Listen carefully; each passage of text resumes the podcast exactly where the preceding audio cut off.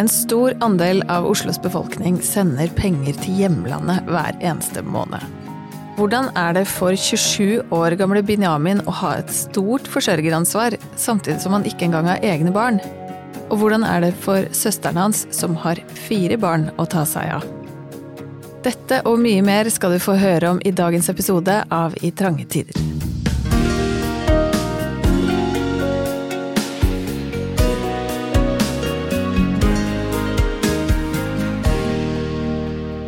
I dagens trange tider har vi med oss Binyamin Abdulkadir Mahmoud.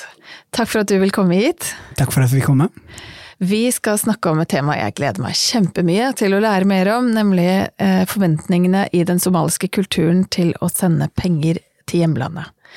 Men eh, før vi går løs på det, kan ikke du fortelle litt om hvem du er og hva du holder på med? Ja, så jeg heter eh, Binyamin og er 27 år. Eh, jeg driver et selskap som jobber med å utvikle konsepter. Eh, vi heter eh, Tromaha, og vårt konsept er Oslo Matfestival. En chilisaus som heter besbæs. Besbæs betyr chilisaus på somalisk, så det er en somalisk chilisaus. Mm. Og et sykkelregister som heter Bike Member. Ja. Og bakgrunnen min er jeg har en bachelor i forretningsutvikling og innovasjon fra Høgskolen Kristiania. Og så kommer jeg fra Tønsberg, da, men er født i Somalia. Du er født i Somalia. Når eh, kom du til Norge? Jeg kom hit uh, da jeg var ni år. Jeg fylte ni år da jeg kom. Ja. Uh, 2004. Uh, ja, ikke sant. Og da husker du en del fra hjemlandet, antar jeg? Ja, jeg husker jo det, men man husker jo ikke Det er mer situasjoner jeg, jeg, husker veldig godt, og der jeg lekte og sånne ting. Men ikke så mye annet. Og språket, da. Så jeg snakker jo fortsatt språket. Mm.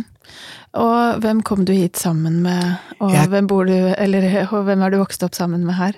Jeg, jeg kom hit med moren min og søstera mi, og så var moren min gravid med lillebroren min som ble født eh, her på Rikshospitalet. Mm. Skjønner. Så dere er tre mm. søsken? Vi er tre søsken. Eh, ja. De bor fortsatt i Tønsberg, og så bor jeg her i Oslo, da. Ja. Og da vi snakka sammen i forkant, så snakka vi om det å være gründer, blant annet. Og mm. det, det ønsket om å skape noe, men også hvor viktig det er å tjene penger for å overleve som gründer. Og, og du la ikke skjul på at ønsket om å være økonomisk fri og tjene penger også er en viktig drivkraft. Jeg opplever at en del ikke på en måte tør å si det, eller mm. Men hvorfor er det sånn for deg? Eh, det er absolutt en stor drivkraft, eh, og det er fordi eh, jeg føler jeg har ansvar for veldig mange mennesker. Mm. Som har litt forventninger til meg og hvor mye jeg skal hjelpe til. Og det er ikke noen forventninger som jeg syns er kjipe. Mm. Men det er en del av kulturen å ta vare på hverandre og, og sånne ting. Og så føler jeg meg som den heldige som For jeg har fått gjort ganske mye, da. Mm. Og da er det viktig å gi litt tilbake. Mm. For du sier eh, det er eh, mange som har forventninger til meg, og så er det 27 år og barnløs. Eh, på hvilken måte tenker du at det skiller seg fra etnisk norske 27-åringer? Nei, jeg tenker jo for eksempel sånn konkret, eh, kompisen min jeg bor med, han har jeg vokst opp med fra Tønsberg. Så mm vi har skjønt hverandre siden vi var ti år. Ehm, jeg tror aldri eh, foreldrene hans har spurt han om penger. Ehm, mens eh, for eksempel for meg så var jo Da det var eh, veldig høye strømpriser, så ble min mor sykemeldt. Mm. Og da hjalp jeg mamma med at jeg tok strømmen på meg, da. Så mm. da sto strømmen hennes på meg det, så, så, lenge hun var uh, sykemeldt. Mm. Sånn at jeg i hvert fall vet at uh, det ikke de hjemme går hjem og fryser. Uh, sånne ting. jeg tror ikke de etnisk norske, i hvert fall ikke så mange av de, merker på det, tenker på det. Men det går også litt begge veier. Jeg syns den Jeg ville ikke forandret den connectionen jeg har med min mor og min familie. Jeg syns jeg liker veldig godt det samholdet, det å vite at uh, vi uh, hjelper hverandre. Mm. Uh, altså selv om man har lite å hjelpe med, så hjelper alt, da. Mm. Ikke sant. hva tenker du om at det ikke er så vanlig i Norge, da? Eller blant etnisk norske? Jeg tror det kommer nok veldig mye av at i norsk samfunnet så forventer man om du er 18-19 år at du flytter ut. Og så finner du ut av ting eh, selv. Mm. mens eh, med andre så er det mer kollektive. Jeg kunne fint hatt bodd hos mora mi nå, og tenkte jeg ville ikke det, men det hadde gått helt fint. Mm. Og hun hadde ønsket det, og det tror jeg er veldig mange som gjør det. Og da man tenker fra tidlig av på det kollektive, og ikke så mye på, individ, på individnivå. Det er det. Men det er jo ikke bare moren din du føler et ansvar for. Det er en storfamilie her, er det ikke det? Jo, eh, så det er jo folk eh, som er hjemme i tilbake i Somalia. For eksempel faren min. Han eh, kom hit med båt fra Afrika til Italia. Eh, og det er noe som heter Dublin-avtale eh, i EU. Og det betyr at det første landet du kommer til, må du søke asyl hos. Han kom til Italia, politiet der fikk tak i han, men han skulle jo reise videre. Eh, og da når han kom til Norge, så ville ikke den norske eh, regjeringen gi han eh, statsborgerskap, da. Så han kunne ikke bli. Så han var på asylmottak i mange år, og til slutt så fikk han avslag, og, og da har man ikke rettigheter her i, Norge. Så da var det det beste for han, for psyken hans, for alle sammen, at han dro tilbake til eh, Somalia, og så forsørger vi han der, da. Så det er den forbindelsen dere har nå. Det er gitt at han aldri kan eh, få lov å bo i Norge, men dere har en slags Ja, nei, han, eh, han kan komme tilbake til eh, Jeg tror det er en sånn grense på lengde, men så er min far 60 år, og um, det er en For eksempel da jeg eh, bodde i Italia for å lære meg italiensk eh, i en sånn fire måneders periode, og jeg bare kjente på det å ikke kjenne seg igjen de områdene man beveger seg i. Det bruker så mye energi på det, ikke språket, ikke ha noe nettverk og sånne ting. Disse tingene slipper han der, og vi vet at han har det bra der fordi vi er her og sender han penger. Da. Kan jeg spørre hvor mye penger er det forventa at man sender? Det er veldig forskjellig, det er jo basert på hvor mye du tjener selv og hva du kan gjøre. Eh, Men jeg har sendt alt fra eh, Man sender jo dollar, da. Så alt fra 200 dollar til eh, 1000 dollar. Basert på For litt siden så skadet faren min ryggen sin. De har jo leger og sånt der, så det er jo dessverre de som har penger som blir prioritert. Så da må jo noen betale for det. Og så er det jo mat og sånne ting. Så. Men Men det du, er ikke så dyrt, da. men når du sier de, de dollarene, er det Hvor ofte må man gjøre det? Eh, Jeg sender hver måned. Hver måned? Ja, hver måned, fordi det er jo det han har å leve på. Så hvis ikke jeg sender, så er det jo ingen andre som sender han det. Det er ikke arbeid i Somalia. Nei. Så da er det de som har eh, mennesker eh, som bor i Europa, som har det bra. Eh, som har eh, tak over hodet, mat, sånne ting. Nå er det jo eh, Nylig var jo tidenes hungersnød i Somalia, men samtidig så kjente ikke faren min på det, fordi han da hadde penger til å betale ekstra for med maten. da. Sånn helt, helt konkret, hva hadde skjedd med faren din hvis dere slutta å sende penger?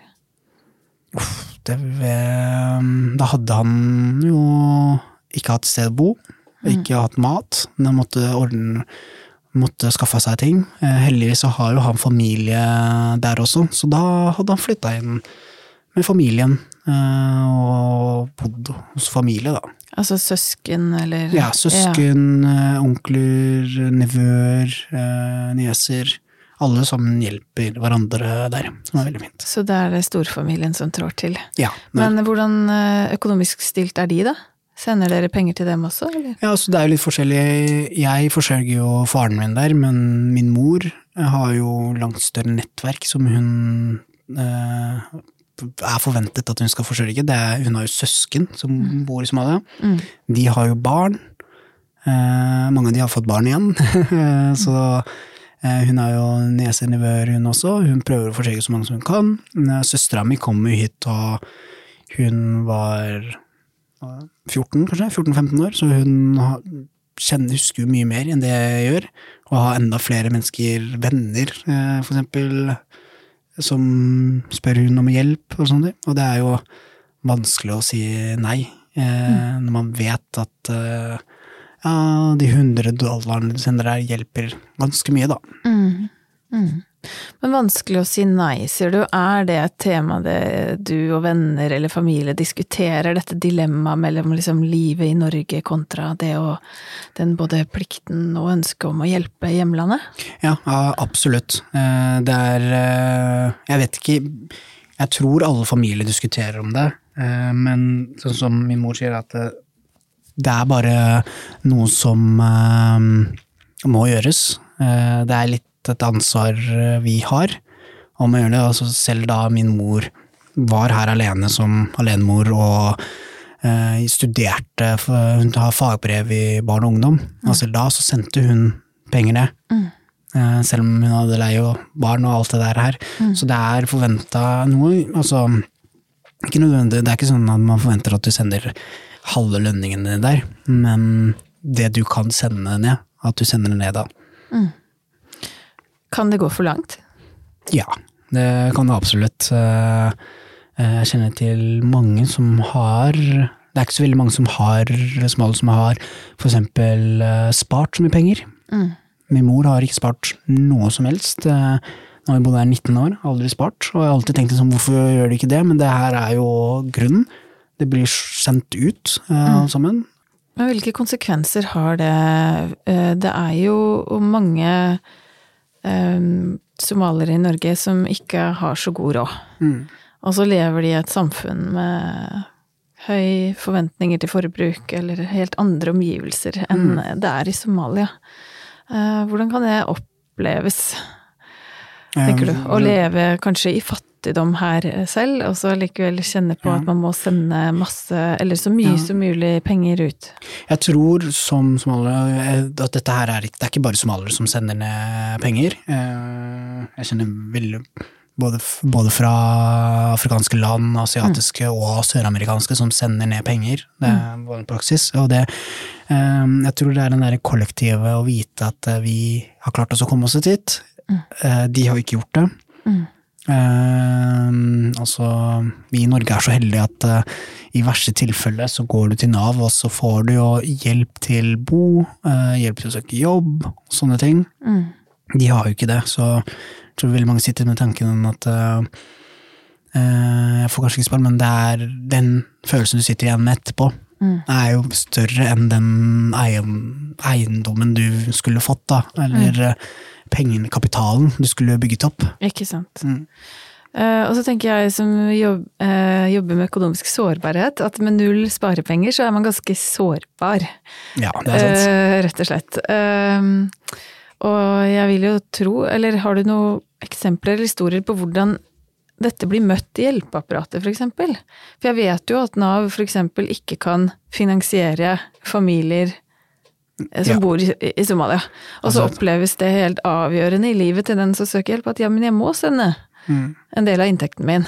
Men da kan jo eksempel Nav da si at ja, men da har du jo ikke råd til dette, og det er din plikt. Ja. Har du Det- noen eksempler på sånne situasjoner? Det, mm, jo, det er jo litt derfor også jeg starter for meg selv og prøver å være, komme til et nivå der jeg har økonomisk frihet, der jeg kan sende så mye penger jeg vil sende ut uten at det påvirker økonomien min her i Norge. Um, jeg vet jo for eksempel søstera mi som har fire barn, så påvirker det det veldig. eh, Med, hun er sykepleier, eh, som hun er sykepleier der, så påvirkes det veldig av, eh, av de pengene hun sender. Um, På hvilken måte da? eh, ved- Det er dyrt å ha barn i Norge, også aktiviteter. Kanskje den ene måneden så må hun si nei til en av barna sine for eh, et eller annet. eh, fordi det har skjedd et eller annet i Somalia, så vi må sende litt ekstra penger ned. Det er veldig vanlig. Det har skjedd masse ganger, men det, så er vi jo eh, det, Jeg syns det var vanskeligere for oss da det var bare min mor som sendte. For da lå alt ansvaret på hennes skuldre. Mens nå så har det blitt eh, fordelt uh, på min søster, meg, eh, og etter hvert så blir det lillebroren min også som kommer til å eh, sende. Så han vet også at vi sender det. Mm.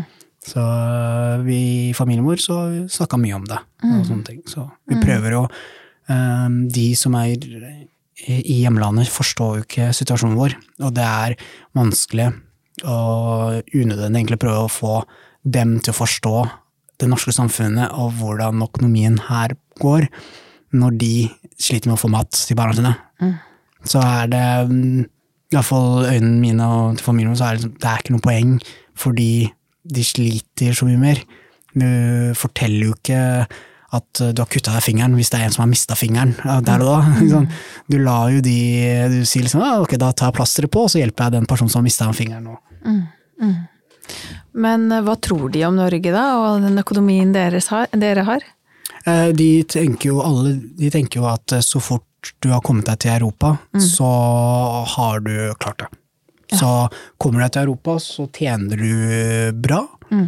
Du har fin bil, mm. du har masse ekstra penger mm. og sånne ting, og det er jo ikke sant. Mm. Men jeg skjønner veldig godt at de tenker det, fordi jeg husker jo den følelsen av å være hjemme. Jeg husker jo, eller ja, være hjemme i Somalia. Um, og jeg vet jo selv at hadde jeg vært i deres, deres sko, så hadde jeg gjort akkurat det samme. Ja. Jeg hadde også sendt meldinger, ringt og, sånn, og, og vært sånn at uh, vi uh, trenger uh, penger, da. Ja. Og jeg hadde følt veldig på at de Du var jo den heldige som kom seg ut, hvorfor mm. skal du ikke hjelpe meg? Mm. Så hva tenker du om eh, hvis du skulle Jeg vet ikke om du er singel eller har en partner, men mm. dette her vil jo påvirke en eventuell familieøkonomi en gang. Hva har du liksom tenkt rundt det, da? Eh, jeg har jo tenkt at um, det kan bli vanskelig å date en etnisk norsk jente. Mm. Uh, som i hvert fall hvis ikke jeg har noen utenlandske venner, ikke noe tanke eller noe forhold til dette her i det hele tatt. Mm. Og det er litt fordi for eksempel hvis um, Jeg og min søster har lovet mamma at uh, hun aldri skal på gamlehjem. Hun skal bo hos oss. Mm. Heldigvis har søstera mi tatt på seg den jobben, så den er der. Men hvis det skjer noe med min søster, så er det forventet at jeg skal ta vare på barna hennes og vare, ta vare på mamma. Mm. Og det Eh, det er jo en forventning som ikke jeg tror alle tenker eller er noen forberedt på det. Mm. Så jeg vil jo ikke ta noen på senga på den måten heller. Mm. Så, um, ja. Men det betyr det at du ikke har noe tro på at eh, en etnisk norsk jente kan forstå det eller akseptere det? Eh, jo, jo, det tror jeg. Mm. Eh, jeg har en kompis som skal gifte seg neste sommer. Med, han er somalier og med etnisk norsk jente. Hun er kjempeflink, men hun er også Uh, veldig utenlandsk av seg. Si. Hun har reist mye, hun har bodd i Sør-Amerika, hun har liksom gjort mye forskjellige ting mm. som jeg tror gir henne litt perspektiv. Mm. Uh, jeg, jeg, tror det viktigste er å ha den der åpenheten, åpenheten hvis de er gode mennesker og mm. åpne disse tankene, og skjønner at um, altså, jeg som norske fyren har en annen bakgrunn og noen andre forventninger, mm. eh, så tror jeg det går bra. Det er ikke sånn at jeg, jeg har helt stengt av. Jeg bare Nei. har forstått det litt med alle der, at uh, det kanskje krever litt mer. Ja. Spesielt fra motparten å mm. forstå det, og også fra meg selv. Det er jo litt deilig uh, å slippe å forklare alt. Mm. Som man sier, like, er ikke like barn leker best. Ja, så, um, ikke sant?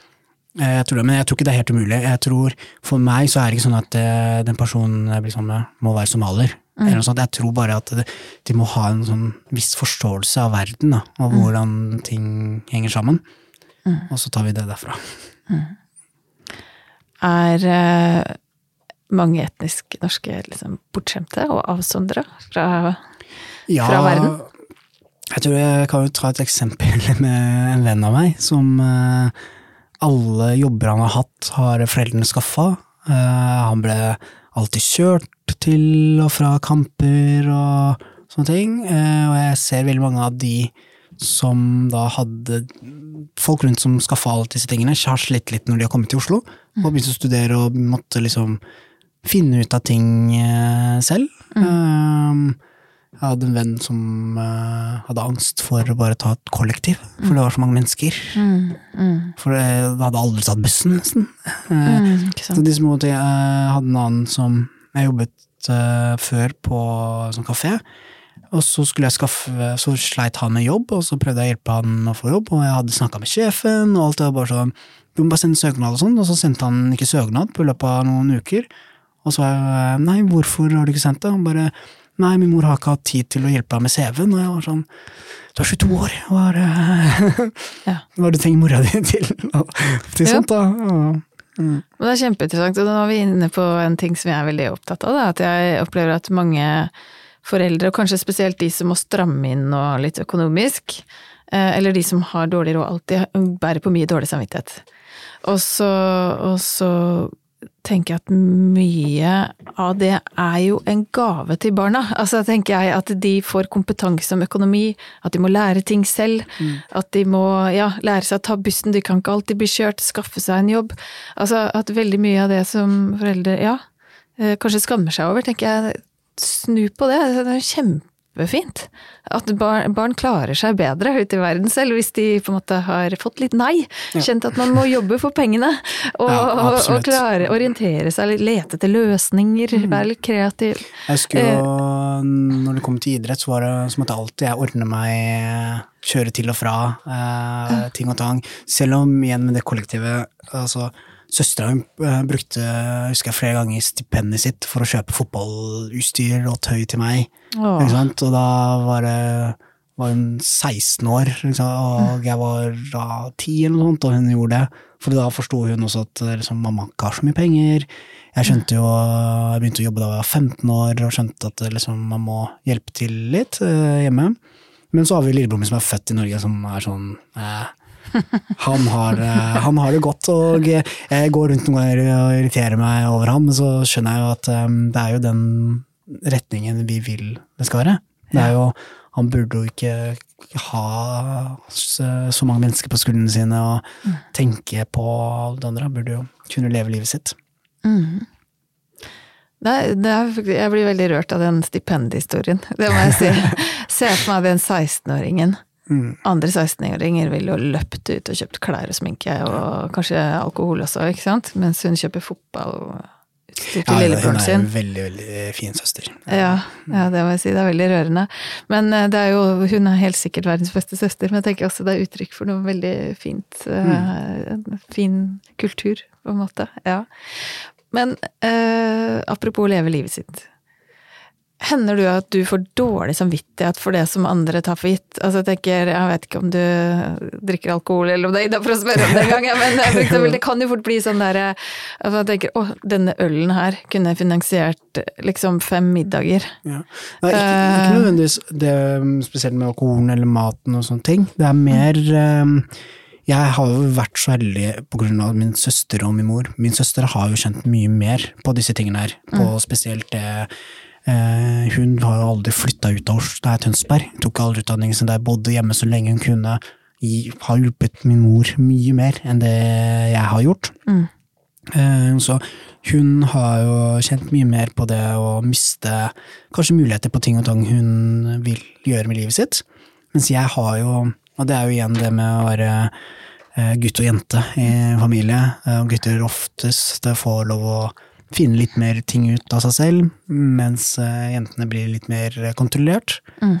Så jeg har, det jeg har dårlig samvittighet, det har vært når jeg har reist, og jeg har brukt mange tusen på reise, mm. og så vet jeg at eh, jeg kunne hjulpet ganske mange mennesker med det. Mm.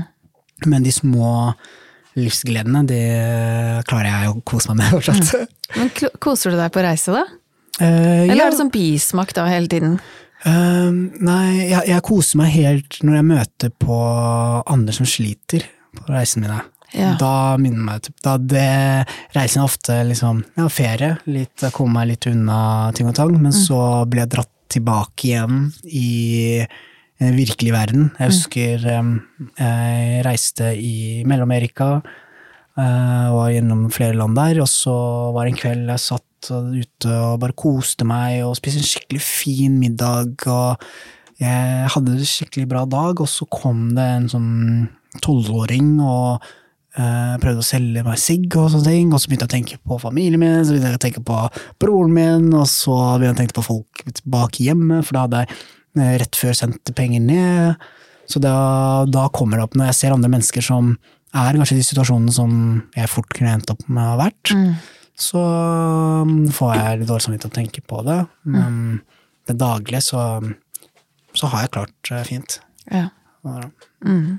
Men du snakker om søstera di som kanskje har tatt et veldig stort ansvar.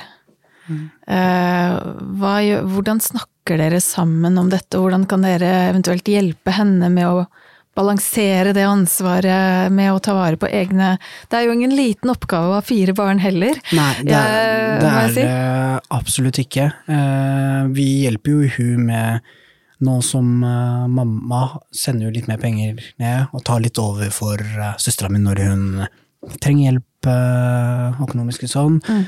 Eh, og så um, har vi jo for eksempel eh, Målet vårt er jo at jeg, søstera mi og min mor skal kunne gå sammen og kjøpe et hus som søstera mi kan bo med barna og med mamma og alt det der. At vi slår oss sammen, da. Og så får det fordi for meg er det ikke så veldig viktig om jeg har en leilighet eller ikke, eller noe sånt. Det mm. tenker jeg er viktigere at de Hvis de klarer seg, så går jo det fint.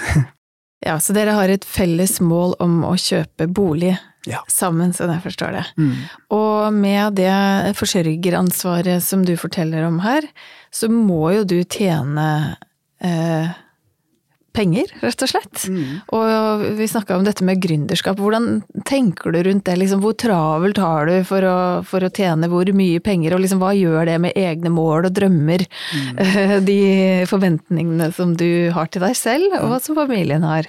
Altså, jeg er jo så heldig at uh, både min mor, søster og bror har alle jobb, Ja. så de personlig klarer seg jo ganske greit. Eh, men eh, det, det jeg jobber mot, er jo, som jeg håper, som kanskje har tatt litt tid nå, er jo å komme på et nivå som er høyere enn det at jeg kan hjelpe de mer.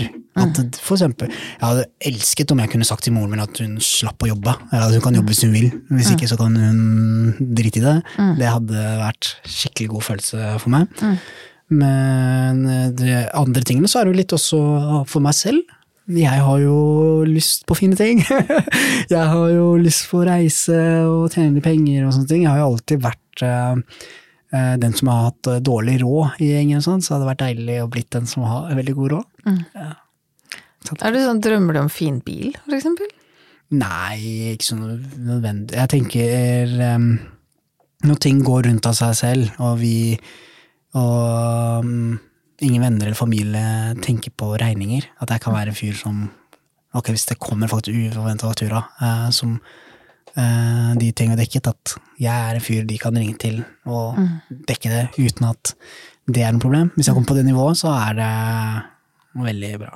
Hva vil Det det er det jeg tror bety, ja, hvor mye betyr det for deg å være den personen som folk kan komme til?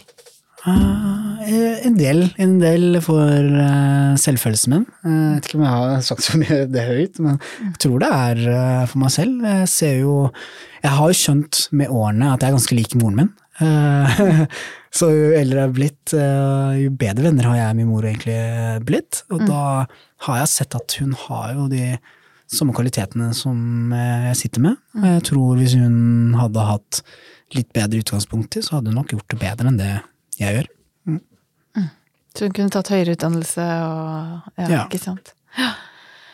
Um, en del av målet med denne podkasten er jo å bryte ned noen ta tabuer og øke åpenhet. Mm.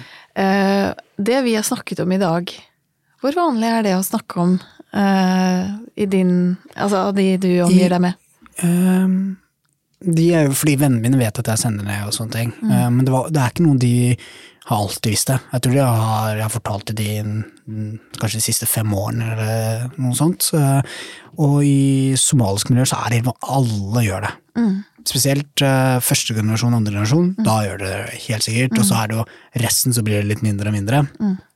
Men alle gjør det. Eh, Men én ting er å sende penger, men hvordan er det i forhold til å snakke om økonomi, hva det betyr for oss, hvordan vi disponerer, hva skjer hvis man hvis man ikke klarer seg økonomisk, hvis man får gjeldsproblemer Ja, disse Ja, temaene her. Det, det snakker man ikke så mye om. Nei. I islam så er jo å ta opp lån eh, haram, som Mm. sier lovlig, så fordi på grunn, eller på grunn av rente, så du Mm. har ikke lov å tjene penger på eh, at andre låner penger fra deg, da.